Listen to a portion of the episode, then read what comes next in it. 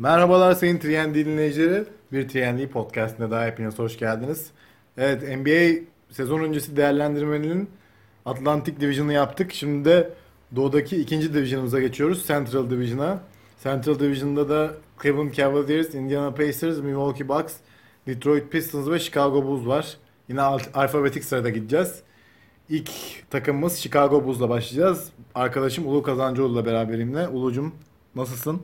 İyiyim Erdem'cim. Güzel bir Atlantic Division değerlendirmesinden sonra Central için tekrar bir aradayız. Biraz daha sıkıcı bir, özellikle LeBron'un da gidişinden sonra biraz daha sıkıcı bir division oldu. Ama yine de konuşacak konular var. Evet Chicago Bulls'la başlayalım. Geçen seneyi Central'ı sonuncu bitirdiler. 27 galibiyetle. Ama bence güzel umutlar verdiler yani kendi takipçilerine, seyircilerine. Çünkü sezonun ilk yarısından sonra inanılmaz bir gelişim gösterdi takım. Gençlerin gelişimini de bayağı net bir şekilde gördük. Bu seneye daha umutlu giriyorlar. Bu sene de güzel bir draft seçimi yaptılar. Wendell Carter Jr. aldılar. Chicago hakkında ne düşünüyorsun? Chicago valla bu sene değil ama özellikle sonraki senelerde ilk etapta playoff'a girme sonrasında daha da yukarılara gitme anlamında bence çok ümit veriyor. Senin de dediğin gibi. Geçen sene başlayan bir gelişim var. Bu sene kaliteli draft seçimleri, Jabari Parker'ın alınması, işte Zach Lavine'le kontrat yenilenmesi derken hakikaten genç bir çekirdekleri var. Ve bunlar iyi bir gelişim gösterirlerse hakikaten ileride şu an işte Boston'un gençlerinin gelişiyor olması gibi ya da Philadelphia'nın pro- prosesi gibi ileride doğuda önemli bir aday olacaklar diye düşünüyorum. Bence de uzun bir tanking süreci yaşamayacaklar. Yani bu sene veya seneye playoff'lara gidecekler bence. Ya bu, bu sene, sene girmeleri zor ama ya 8'den girerlerse şaşırmam çünkü Doğu kan kaybetti yine. Aynen o ortamdaki kaostan yararlanıp çünkü birçok takım birbirine çok yakın olacak. Evet. O aşamada yararlanabilirlerse ve arada mesela tam kendi rakiplerinden birkaç maç alırlarsa mesela playoff yapabilirler. Ya bak Doğu'da kesinlikle playoff'a gireceğini düşündüğüm kaç 6 tane takım var. Celtics, Toronto Raptors, Philadelphia 76ers, Indiana Pacers, Milwaukee Bucks ve Washington Wizards.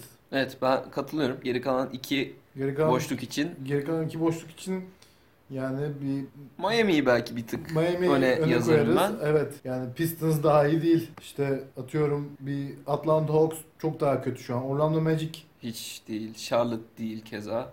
Cleveland Cavaliers çok kan kaybetti. Yani Ya o- İşte 7-8 için Cavs aday. Miami aday, Cavs aday. Hemen peşlerinden de Detroit'le Bulls takip eder Bence, bence. de. Bence de. O yüzden Bulls'un bu sene ümitli bir giriş olacaktır sezona ve maçları bayağı ciddi alacaklar diye düşünüyorum. Tanking Atlanta Hawks kadar zayıf bir kadroları yok çünkü. İlk beşlerini nasıl öngörüyorsun Ulu? Valla birazcık karışık. Evet yani en iyi iki genç yetenekleri Wendell Carter ve Mark'ın aynı pozisyonda oynuyorlar. Yani mesela Robin Lopez'i kesip Wendell Carter'ı acaba pivot oynatır mı? Çünkü geçen sene Wendell Carter'la Marvin Bagley yan yana oynamışlardı. Öyle bir şey gidebilirler ama Wendell Carter da henüz yani çaylak sonuçta NBA'in tecrübeli pivotlarıyla baş edemeyebilir. O anlamda Robin Lopez yani belki maçtan maça değişikliğe gidebilir. Yani oyun kurucusu zaten Chris'ten çıkacak. Neredeyse garanti o. İki numarada Zach Lavine çıkar. Üçte herhalde Jabari Parker'ı 3'e yerleştirebilirler mi? Çok emin değilim ondan. Ya Çünkü şutuna hiç güvenemiyorum ben o Evet. yüzden. yani Ama Jabari Parker'ı da aldılar yani hani Bulls bu sene playoff'ları istiyor. Gerçekten hamleleri de bunu gösteriyor yani. Zach Lavine'le böyle bir riske girdiler. 4 sene 80 milyon kontrat da verdiler. Kadrosuna bakıyorum Bulls'un ve hani cidden iyi bir kadro görüyorum ben karşımda. Hani Doğu'nun en iyi 8 kadrosu arasında alırım ben. potansiyel anlamında evet. Potansiyel. Sahaya Sen ne Miami'nin koyabilirler? kadrosunda daha iyi bir kadro var şu an ellerinde. Bakalım göreceğiz. Mesela Markkanen bir tık daha hızlı bir oyuncu olsa mesela onu 3'e koyup Yok. çok değişik Yok, bir şey yok. yapabilirler ama o Yok, kadar o hızlı kadar- değil. Ama mesela Markkanen 5, Parker 4 oynayabilir. Hani böyle küçük bir line-up, small line-up'larda öyle şeyler yapabilirler. Yani takımın da enteresan parçaları var. Bobby Portis de mesela iyi bir sezon geçirdi. Portis Geçen sene çok iyi bir 6. adamdı geçen dayak sene. attıktan sonra Mirotic'in gönderilmesine sebep olduktan sonra Ömer Aşık tekrar geldi Chicago'ya Ya o parladığı takım ama bence zor süre takımın alması. mentörü olur o. Robin Evet. Lopez'le veya iki abiler. İkisi de takımın en çok kazanan oyuncularından biri. Ömer Yani şu an Aşık. bu arada takımda 30 üstü sadece Robin Lopez ve Ömer Aşık var. Ömer Aşık Aynen. takımın en yaşlısı 32 yaşında. Justin Holiday 29 yaşındaymış ya. Evet. Ne kadar vay be. Ya Justin Holiday de bench'ten gelebilir. Yani İşte Denzel Valentine var. Denzel bu Valentine takımın önemli var. şutörlerinden. İşte çaylak Chandler Hutchinson benim çok Hmm. beğendiğim çaylaklardan. Bu evet. takımın önemli bir rol oyuncusu olabilir. Bir numarada dediğimiz gibi bir sıkıntı var hala ama Cameron Ben- Payne'e güveniyorlar. Ben, ben Chris Dunn'ı beğeniyorum. de Dan'ı beğeniyorum. Geçen sene iyi bir performans gösterdi. O yüzden bu sene de ilk 5 işini ona verecekler. Yani ilk 5'i dediğin gibi onda olacak ama bütün maçı tek başına götürebilecek kapasitede henüz değil. Yok 35 dakika falan oynarsa beynine oksijen gitmez ve Evet. yanlış hatalar verir yani bir sürü. İşte o mesela Jerry Grant takasında Grant'i Orlando'ya gönderdiler. Ya Grant bence kalmalıydı ya. Yani iyi iyi bir rotasyondu. Şu an yedek gardı olarak Cameron Payne'e kalmış durumlar. Payne Westbrook'un selamlaşma kankasıydı OKC'de. Derek Walton Jr. süre alır mı sence? Zor ya. Şu anki kadroda bence alabilir. Yani Çünkü- Cameron Payne'e ben hiç güvenemiyorum nedense. Evet aynen bence kendisinin de bir güveni yok. Sahada onu bence hissettirmiyor kimse. Ve şutu falan da gelişmedi mesela Payne'in. Hani sağ görüşü ilk geldiğinde de gösteriyordu ama şutu bir türlü gelişmedi. Gelişmedi aynen. Yani neyin var o zaman senin? Ne özelliğin var oynamak için? NBA'de bir, bir numara olarak. Yani Lavine'i mesela bire çekseler diyeceğim. Lavine'in de pas şeyi o kadar Aa, evet, gelişmiş. sağ- Daha sağ çok görüşü. şut atmaya yani hücumu Lavine kendi hücum etmeyi seven bir adam. bir skorer ya. O yüzden dediğin gibi dediğimiz gibi bir numarada bir açıkları var. Onu da kapatırlarsa yani bir sezon içinde bir takasla olur diyorum veya bir free agent imzası olur bir iyi bir yedek mesela Brandon Jennings falan gibi adam olurlarsa bence kesin playoff'a girebilirler yani. O kadar net konuşacağım. Bakalım savunmada bence hücumdan ziyade savunmada sıkıntıları olan bir takım. Yani Lavine'in savunması falan henüz istenen seviyede değil. Evet doğru. Yani pot altında hakikaten şey bir pot altları olacak işte. Robin Lopez iyi bir savunmacı, Wendell Carter çok iyi bir savunmacı. Var Markkanen Averaj, averaj bir savunmacı diyelim. Felicio bench'ten gelip yani onun numarası arandığında fena katkı vermiyor. Elinden Yani geldiğince İşte oynuyor. Parker'da, Felicio'da mesela kalıplı adamlar hiçbir şey değilse yani vücutlarıyla bir kalabalık yaratırlar orada. Rakibi bir yormak adına bir şey Parker çok- yapıyorlar. Çok kuvvetli. Gerçekten. Yani 4 numara için bile kuvvetli bir, bir oyuncu. İşte daha çok dışta 1-2 numaradaki adamların savunmasının ne seviyede olacağı kritik soru. Mesela orada Justin Holiday geçen sezon birazcık kara delikti ama uzun kollarıyla falan iş yapan bir adamdı. Valentine da gene hani Valentine de uzun sıska bir adam ama hani Evet. en azından hani bir el kaldırsa savunma. falan bir iş yapar ama çok gelişmesi lazım. Yani Valentine'in bir- hücumunu da ben beğeniyorum. Olgun bir oyuncu. İlk geldiğinde bile NBA'ye yaz liginde beni ikna etmişti yani. Bir tane buzzer beater falan atmıştı hatta. Şey Chicago Bulls'un yaz ligindeki kritik maçta. Chicago Bulls'un geleceği parlak ve çabuk toparlanacak gibi gözüküyorlar. Bir sonraki takımımıza geçelim istersen. geçmeden bir koç sıkıntısına da Ha, değinmek evet, isterim. Fred ondan da bahsedelim. tam soracaktım aynen. Yani Hoiberg işte önce Jimmy Butler'la sorun yaşadı. Butler gitti. Bu genç takımı yani geçen sezonu saymayalım. Yani gelişim sezonuydu. İşte Butler gitti. Lavin sakatlıktan döndü vesaire. Bakın bu sezon çok ciddi bir sınav olacak bence. Butler sınavını veremedi. Şimdi bu genç takımı bu sezon yani playoff yap, yapmasa bence kimse hiçbir şey demez. Ama böyle 35-36 galibiyete falan bu takım ulaştıramazsa bence, bir gelişim olmalı. evet Yani 27 galibiyetin ya en azından 35 galibiyet almalı bu takım bence de. Çünkü kağıt üstünde kötü bir kadro değil bu. Yani Kesinlikle. hatta ben mesela sezon içerisinde ilk gönderilebilecek koçlardan biri olduğunu düşünüyorum. Bence de. Bir, bir şekilde bir içeride kredisi var bu adamın ama ben tam Aynen, da aynen. çözemedim. Normal mesela başka bir koç olsa gönderilmişti şu ana kadar. Yani Paxton'da falan mı kanka acaba nedir bilmiyorum ama bir kredisi var. Tükenmedi kredisi daha. Ben o kredinin bu sezon itibariyle bitebileceğini düşünüyorum eğer hakikaten Olabilir. bir gelişimi gösteremezse artık. Doğru, Bakalım. iyi bir tespit. Evet, Cavs'e geçebiliriz o zaman. Cleveland Cavaliers geçen sene NBA finallerine çıktı yine. 4 senedir üst üste çıkıyorlardı. 50 galibiyet aldılar. Normal sezonda tabii ki yani şu an sadece bir oyuncu yok Cavs'in kadrosunda geçen sene göre ama o oyuncu da NBA'in en iyi oyuncusu olunca çok şey fark ediyor.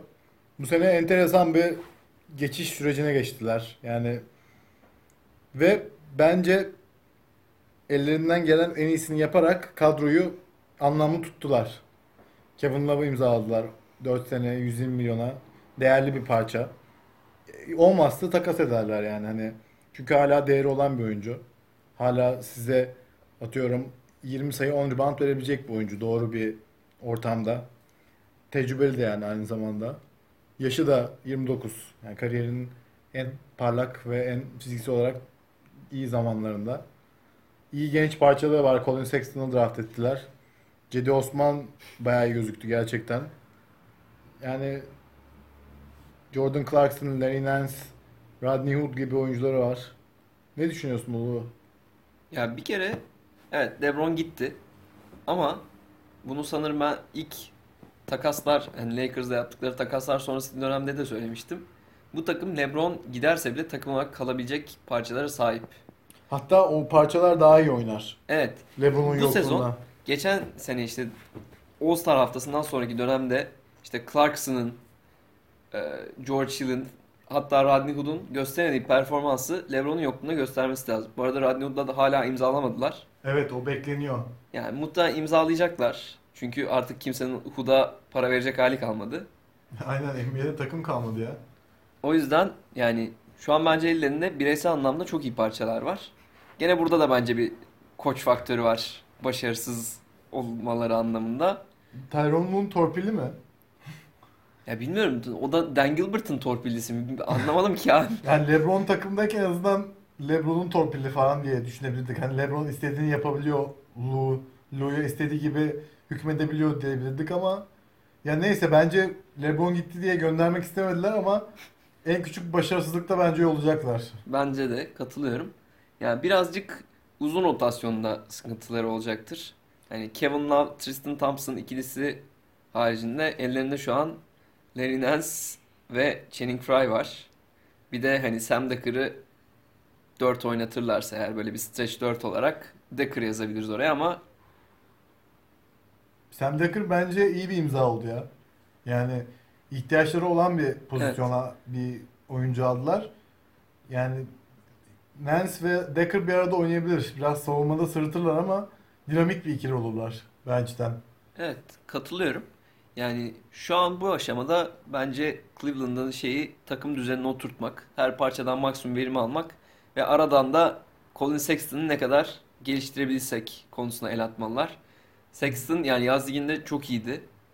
Onu seninle de konuştuk daha önce.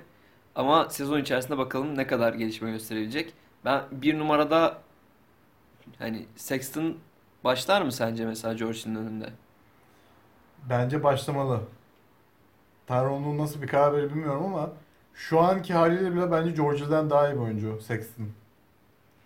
Ya en azından genç ve istekli olduğu için bile ben onu başladım. Çünkü George Hill geçen sene bile bu kadar isteksiz oynadıysa yani isteksiz dediğim bilmiyorum saha içinde hiçbir zaman böyle bana o şeyini ateşini göstermedi.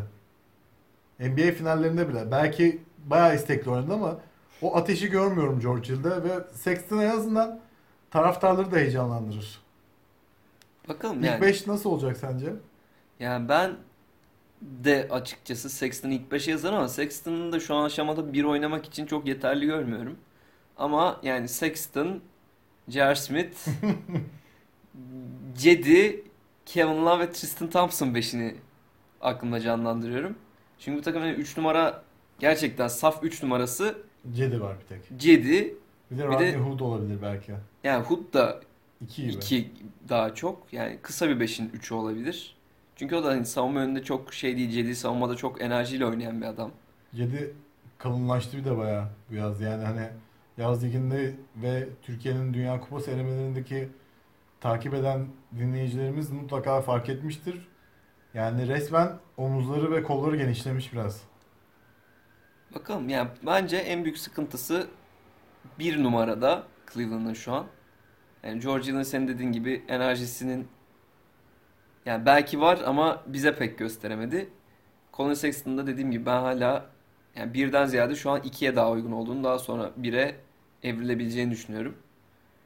Ve yani pot altında şu an Kevin Love takımın yıldızı olarak eski Minnesota günlerinden bir şeyler sunmalı bize ki bu takım playoff yapabilsin.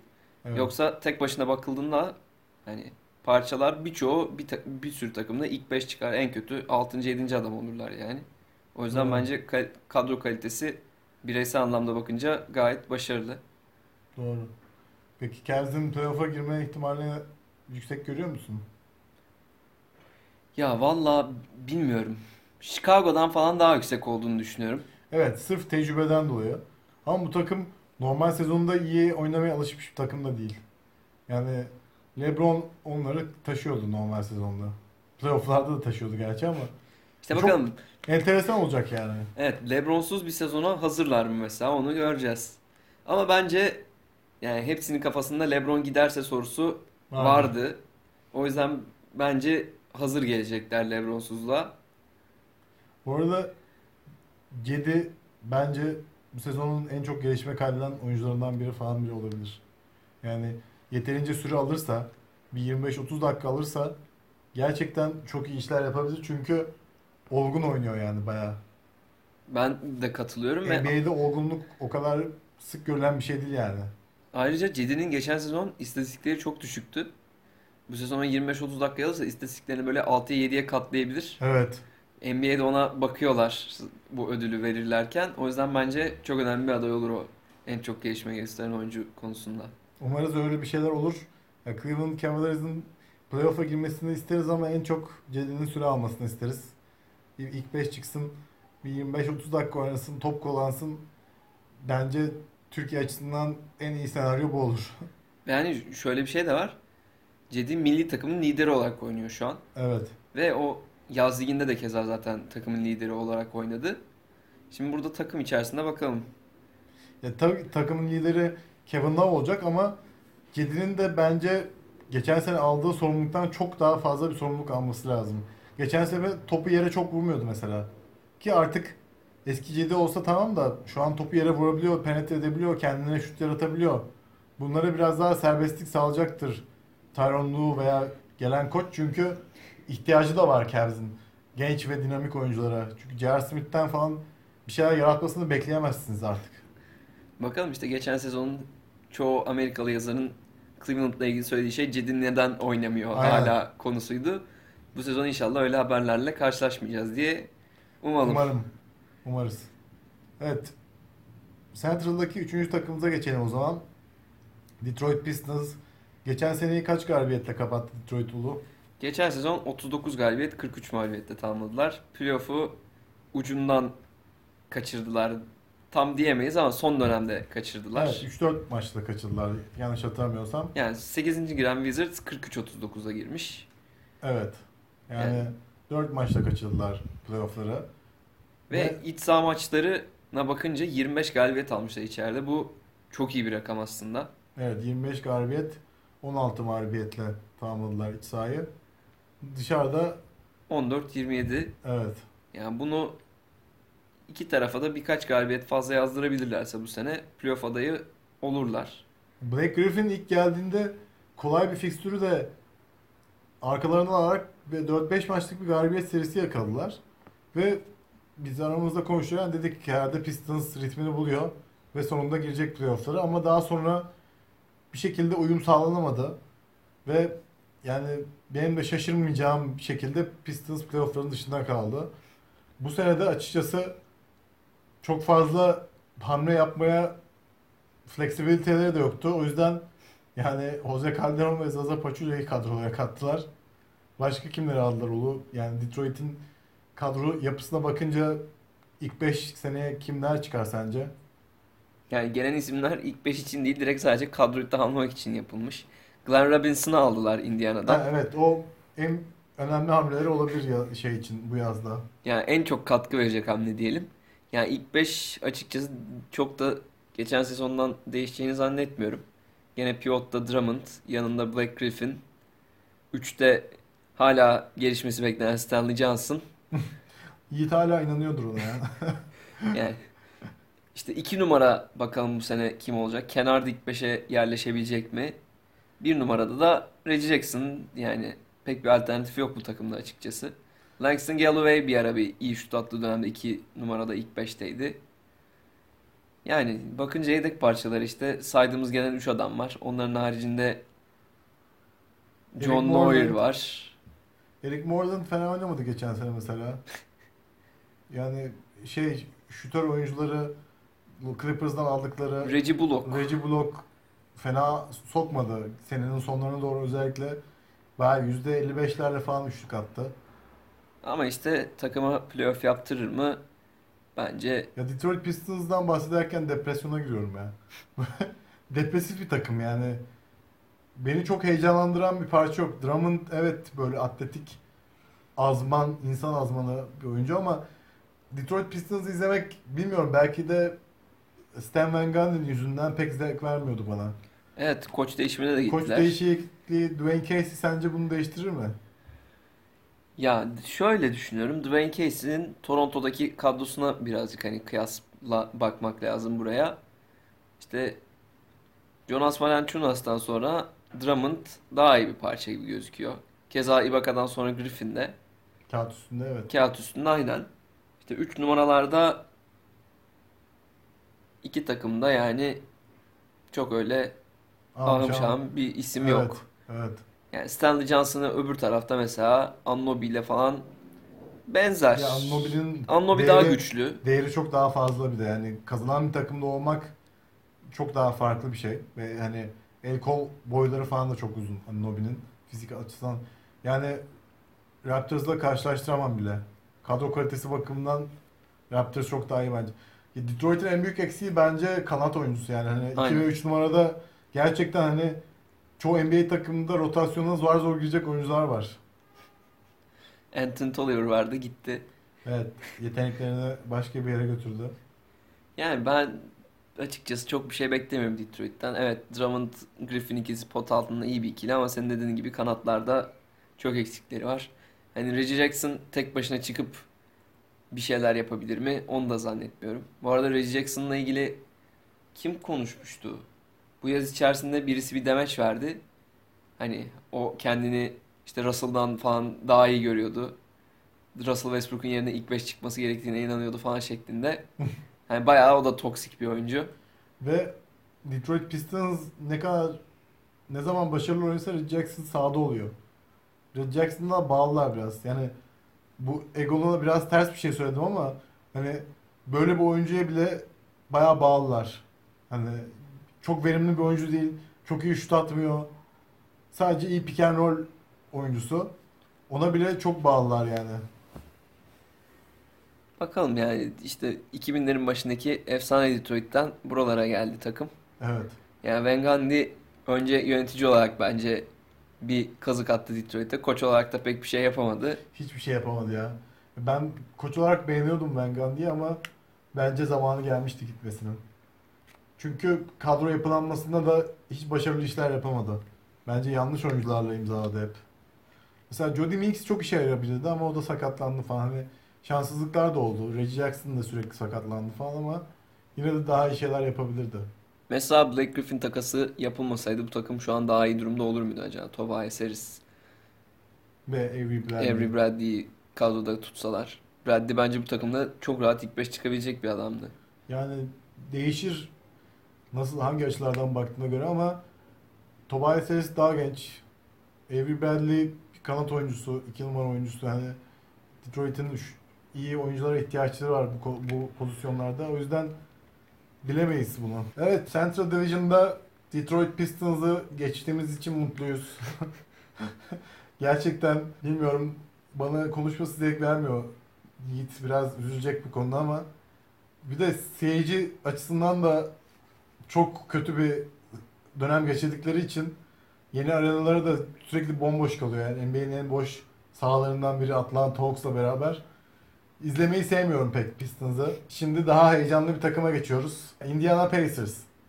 Indiana Pacers geçen seneyi çok çok çok sürpriz yaparak ve Cleveland'ı 7 maça götürerek bayağı sükse yaptı ve bu sene de iyi hamleler yaptılar yani yine pozitif doğrultuda. Geçen sene kaç galibiyet aldılar Ulu? Geçen sezonu 48 galibiyetle bitirdiler. Evet Ki yani kimsenin çoğularına beklemediği göre- bir rakamdı. Yani Oladipo'nun gelişi belki ilk başlarda hep konuştuk bunu. Paul George takasını hep kaybettiler gözüyle bakılıyordu ama Indiana Pacers açık bir şekilde bu takası kazanan takım olarak şu an öne çıktı. Sabonis'in de verdiği katkı belli. Yani iki oyuncudan da maksimum verimi aldılar bu sene, geçen sene. Üstüne bu sene Lance Stevenson'ı kaybettiler ama Tyreek Evans gibi geçen sene Memphis'te iyi işler yapan bir kanat oyuncusu aldılar. Ki 3 numara oynayabilen, belki gerekli de bir de oynayabilen. Kyle O'Quinn'le imzaladılar. İyi bir yedek 5 numara.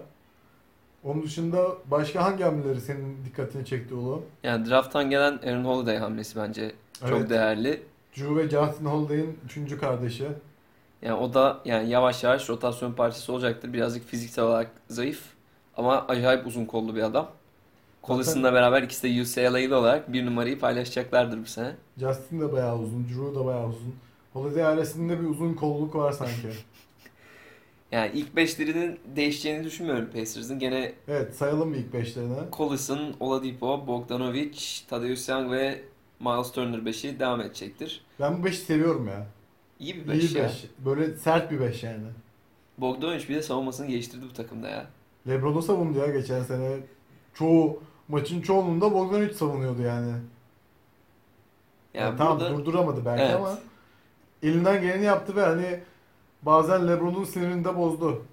deplasmandaki hangi maçtı? Bir maçın böyle ilk periyotta 3 tane falan basket faul almıştı Bogdanovic. Evet. Skor anlamında falan da hani burada mesela şey de yok. Her maç bir farklı birisi çıkıp 20-25 atıp sorumluluğu üstüne alabiliyor. O Thaddeus Young anlamda yani Tadeusz Young da çok ters bir oyuncu ya. Yani bir açıyı bulup bitiriyor mesela. Sola, sola olmasına çok büyük avantaja çeviriyor. ya Young benim özellikle Philadelphia günlerinde çok sevdiğim bir adamdı. Bir üçlük ekleyemedi işte şeyine, repertuarına. O da olsa hakikaten çok daha değerli bir parça olurdu. Yoksa savunma anlamında falan bence değerli bir parça. Senin dediğin gibi ters bir adam. Yani burada Pacers'ın bence kaderini bu sezon Miles Turner'ın gelişmesi belirleyecek. Hala birkaç sezondur onun gelişmesini bekliyorlar. Ben beğeniyorum ya. Ben de çok beğeniyorum ama bir türlü o istenen aşamayı hala kaydetmedi. Dördüncü sezonda mı Miles Turner şu an? Öyle hatırlıyorum ben de. Yani Texas Üniversitesi'nden geldi. Daha 22 yaşında. Çok genç. Yani bu yaz kalınlaşmak için özel bir idman programı yapıyormuş kendine. Ayrıca yoga yapıyormuş diye duydum. Ya oranı böyle %14'ten %4'e mi ne düşürmüş Aynen, sanırım. Böyle aynen. çelik gibi bir şeyle geliyor. Yani Yani- bayağı potansiyeli yüksek bir oyuncu. Hala 22 yaşında olduğu için gelişime çok açık. Ve iyi bir savunmacı bayağı. Yani bakınca arkasından gelen yedeği Sabonis de 22 yaşında bu arada. Evet. Hani geri kalan şeyde bakıyorum mesela işte az önce Philadelphia'da söyledik. Yok Chicago'da söyledik 30 yaş üstü iki oyuncu var diye. Burada en yaşlı 3 isim Young, Collison ve Booker 30'ar yaşındalar. 30 üstü hiçbir adam yok başka. Yani bu da tehlikeli bir kadro. Herkesin çok konuşmadığı ama oyuncular eğer doğru yönlerde gelişim gösterirlerse Pacers da doğudaki zirveye zorlayabilecek bir takım. Aynen yani Tyreek Evans kariyerinde ilk kez kazanmaya bu kadar yakın bir takımda. Evet hiç daha playoff görmedi değil mi? Galiba görmedi. İşte Doug McDermott aldılar onu atladık. Aa İyi doğru. bir şutör olarak çok evet. önemli bir yan parça. İşte baktığınızda Trevor Booker bench'ten girip 10 dakikalık sağlam bir 4 numara, yedek 4 numara. Sabonis'le beraber iki solak ters yap ters bir eşleşme yaratabilirler. Yedek bir numaraları kim oynar sence? valla yani Holiday birazcık daha uzun olsa Corey Joseph Holiday ikilisini birden sahaya sürebilirler Corey derdim ama Aynen. Corey Joseph da böyle Fred Van Fleet öncesi Van Fleet Evet. rolündeydi Toronto'da. Şimdi Pacers'da da benzer bir rolde. San Antonio'da keza çok benzer rollerde oynadı hep kariyerinde. Yani iyi bir bitirici parça. Ama hücum yönü birazcık kısıtlı. Biraz. Ama yani tabii baktığında yanında McDermott, Tyreek Evans falan olacak.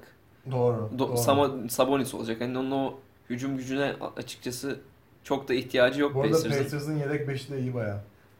Yani Tyreek Evans iyi bir skorer. McDermott iyi bir şutör. Corey Joseph iyi bir savunmacı. Sabonis iyi bir pota altı bitiricisi. O üçlüğü de var. Yani Trevor Booker iyi işler yapabilecek bir potansiyeli var. Yani aldığı kısa süreyi çok iyi değerlendiren bir adam. Aaron Holiday gelebilir bench'ten. O da çaylaklığın verdiği dinamizmle katkı verebilir. Yine Kyle O'Quinn. Kyle O'Quinn var. Yani bu takımın da 12-13 sağlam rotasyon oyuncusu var.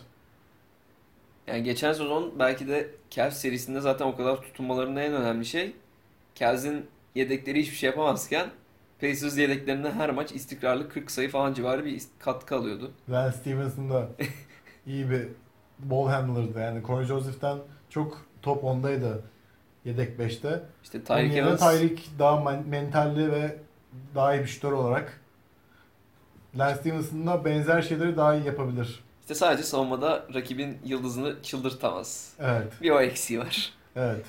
Ve Lance'in hakikaten izlemesi de ayrı bir keyifli yani. Pacers'a çok yakışıyordu. Bakalım Lakers'da neler yapacak o da. Onu konuşacağız. Ve yani Nate McMillan da bence geçen sezonun hani o son üçe kalamadı ama çok başarılı koçlarındandı. Kesinlikle katılıyorum. Kalamaması bence bir sürpriz yani. Yani 3 kişi var. Geçen sezon hakikaten bir sürü koç çok başarılı oldu. O yüzden çok da şey Ama yapar. Pacers'ı hiçbirimiz playoff'lara almamıştık yani. Beklentileri aşma konusunda çok başarılıydı gerçekten. Evet yani ona Beklentilerimizi en katılıyorum. çok aşan takımdı bence Pacers. Geçen sene.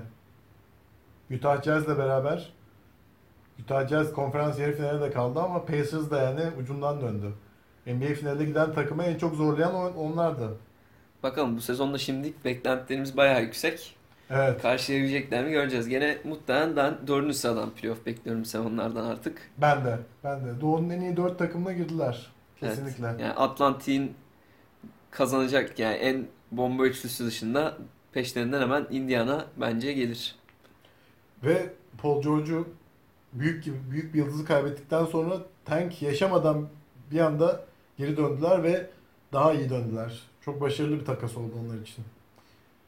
Milwaukee Bucks'a geçelim o zaman. Central Division'ın son takımı.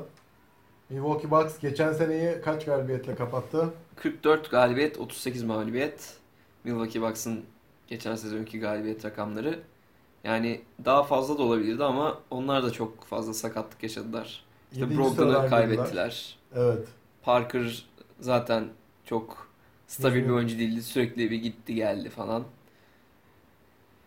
Yani baktığımızda bu sezon Ersan'ı getirdiler takıma. Geri getirdiler. Üçüncü kez. Mike Budenholzer'la buluştu. Aynen. Ee, Brook Lopez'i getirdiler. Bence konuşulması gereken bir hamle. Hem ucuz hem başarılı bir hamle bence. Aynen. Onun dışında Dante DiVincenzo seçimi drafttan bence draftın ba- başarılı seçimlerinden biriydi. Sakatlığı yüzünden oynayamadı çok ama bence de yani normal sezona hazır girerse çok iyi katkı verebilir. İyi bir şutör çünkü. Milwaukee'de iyi bir şutörsen katkı vermemen imkansız çünkü yani Antetokounmpo var yani. Evet yani o içeri girip her şeyi yarayacak ve topu en sonunda dışarı çıkarabilir. Evet. Birinin üstünden smacı vurmazsa. Yani LeBron kadar olmasa da sağ görüşü iyi bayağı Antetokounmpo'nun. Ee, Milwaukee'nin ilk beşini nasıl görüyorsun bu sene? Yani açıkçası iki numarada Middleton. Middleton'ı koyacağız. Bir numaraya Brogdon'u koyarız. Bir Brogdon yani bence tartışmasız bir seçim. Dellavedova evet hani savunma anlamında falan iyi bir guard ama Brogdon'u kesebileceğini zannetmiyorum ki Brogdon'un da savunması gayet kaliteli. Bence de. Yani Brogdon'un birazcık işte rakamları bir bir numaradan bekleyeceğiniz rakamların altında ama orada da Antetokounmpo faktörü var. Topu yani LeBron gibi neredeyse. Yani Milwaukee'nin usage rate'ini bilmiyorum Antetokounmpo'nun ama yüksek olduğuna çok eminim. Bayağı yüksek. Yani 3 numaraya aslında bakınca takımda 3 numara Chris Middleton'ı aslında 3 yazmak lazım. Evet Çünkü ikiye DiVincenzo veya başka bir iki numara alabilirler. ya da Bled, gerçi Bledsoe'yu unuttuk. Aa, Bledsoe'yu Bledsoe mesela var. hani Bledsoe da bir numara ama Doğru Bledsoe'yu unuttuk ya. yani belki Bledsoe Brogdon ikilisi backcourt Aynen. oluşturabilir.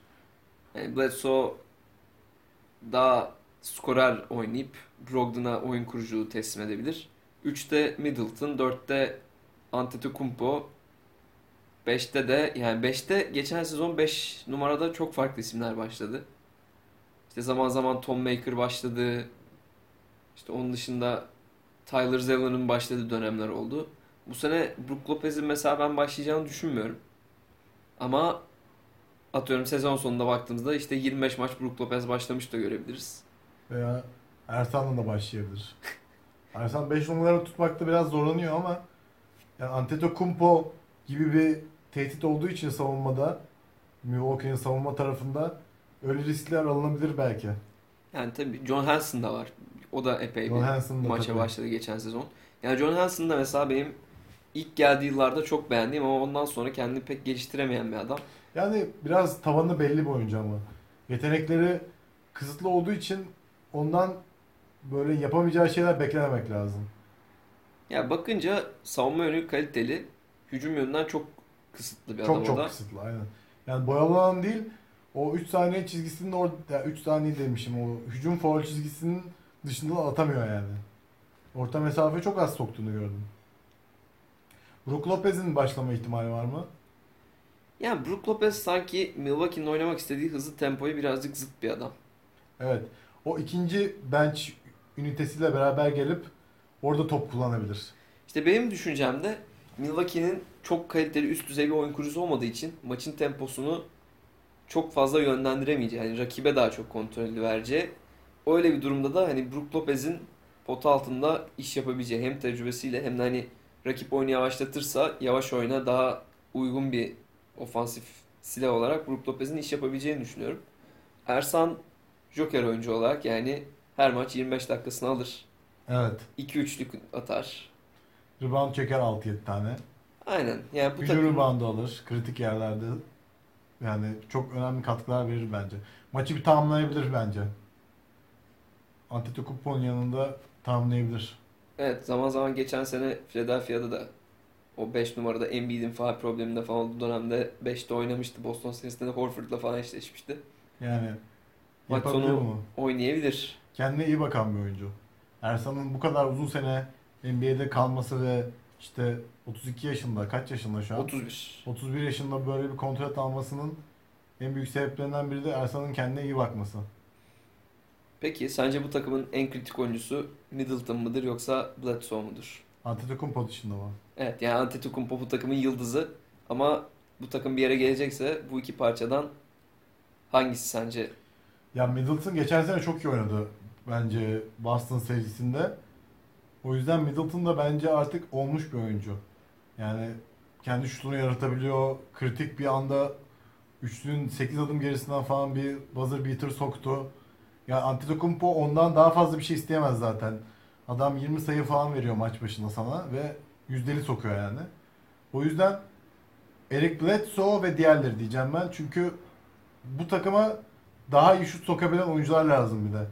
Yani Tony Snell'le Dellavedova ile olacak işler değildi bunlar. Milwaukee'nin biraz daha böyle Houston Rockets modeline bürünmesi lazım. Antetokounmpo ve yanında şütörler daha fazla üçlük. Bilmiyorum. Katılıyor musun bana? Yani açıkçası katılıyorum. Ama işte guardların hem Bledsoe'nun hem Brogdon'un, gerçi Brogdon iyi sokuyor. Brogdon iyi sokuyor Çok ama çaktırmadan sokuyor Evet. bir de. Bledsoe yani iyi bir oyuncu sıfatıyla alındı ama Milwaukee'nin yapısına uymadı bence. Playoff'larda da bunu gördük. Yani Rozier Bledsoe'ya üstünlük sağladı. Ki yani playoff'lar başlamadan önce o matchup'ta direkt ben Rozier'i ay, Bledsoe'yu işaretlerdim. Kim üstünlük sağlar deseler. Benim katılıyorsun. Yani katılmamak mümkün değil. Yani Rozier'la zaten Bledsoe'nun o playoff'lardaki çok Atışmaları- ilginç atışmaları da damga vurmuştu. Ama yani üstün çıkan çok farkla Rozier oldu. Eric Bledsoe'nun üçlükten böyle bir %37 %38 atması lazım ki Milwaukee'de inanılmaz iyi bir işler yapsın yani. Çünkü delicilik anlamında sıkıntıları yok. Sadece dış atışta çok büyük sıkıntıları var. Onu da giderecek giderecek oyuncu değil maalesef. Peki bu kadro sence Jabari Parker'la daha iyi olur muydu? Atıyorum mesela Ersan olmasa Jabari Parker'ı bu kadroya yazsak. Bence Jabari Parker'ı bırakarak iyi bir iş yaptılar. Yani çok uyum sağlamakta zorluk çeken bir oyuncuydu. Yani özellikle Antetokounmpo ile oynarken Antetokounmpo biraz dağınık bir oyuncu. Yani ona sorumluluğu vereceksiniz ve onun kararlarıyla yaşayacaksınız. Yani Antetokounmpo çünkü maçı size kazandırabilecek kadar iyi bir oyuncu. Yani NBA'nin şu an en iyi 10 oyuncusundan biri. Jabari Parker da böyle bir tipte bir oyuncu ve Antetokounmpo'dan biraz daha düşük bir yetenek ve fiziğe sahip. O yüzden ikisi bir arada oynayınca bir kaos oluştu yani. Hani kaos oluşuyordu ve Milwaukee'nin kağıt üstünde iyi olan bu beşleri ama şey yapıyordu, geriye düşüyordu maç içinde. Tom Maker bu kadroda kendine nasıl bir rol bulur sence? Ya Tom Maker'ın önce e, maçlar içerisindeki oyununu dengelemesi lazım. Geçen sene mesela Boston serisinde iki tane acayip iyi maçı vardı. Birinde işte 4 blok yaptı, birinde 5 blok yaptı. Ama mesela ilk maçında serinin yoktu. Evet. Ya da özellikle deplasmanlarda kayboluyor. Çok genç olması bunun bir etkisidir tabii. Yani NBA'de 3. sezonuna giriyor. Hala 21 yaşında yani. Ve yani acayip bir fiziği var ama Evet. hala bence o boya çok ince bir adam. Evet gerçekten Yani bir Embiid mesela sırtını alsa 100 Yani- kilo 100, 105 kilo sanırım. Maker'ı böyle üstüne alıp potaya Evet. falan çıkabilir Embiid'in şu an bence. Evet. Yani Maker'ın bir kalıplanması lazım. Onun dışında da hani şutu varla yok arasında. Bir maç atıyor, bir maç atamıyor falan. O yüzden bence önce her ma- her maçta da mesela süre almıyor. O da ben o da etkileyen bir faktör. Hani her maç istikrarlı 15 dakikasını alsa mesela bence şu an olduğundan daha iyi bir oyuncuya çevrilecek. Çünkü çok gençti senin de dediğin gibi. Hani pivotlar zaten daha geç yaşta olgunlaşıyorlar NBA'de. Doğru. Peki Mike Budenholzer'ın bu takıma neler katabileceğini düşünüyorsun?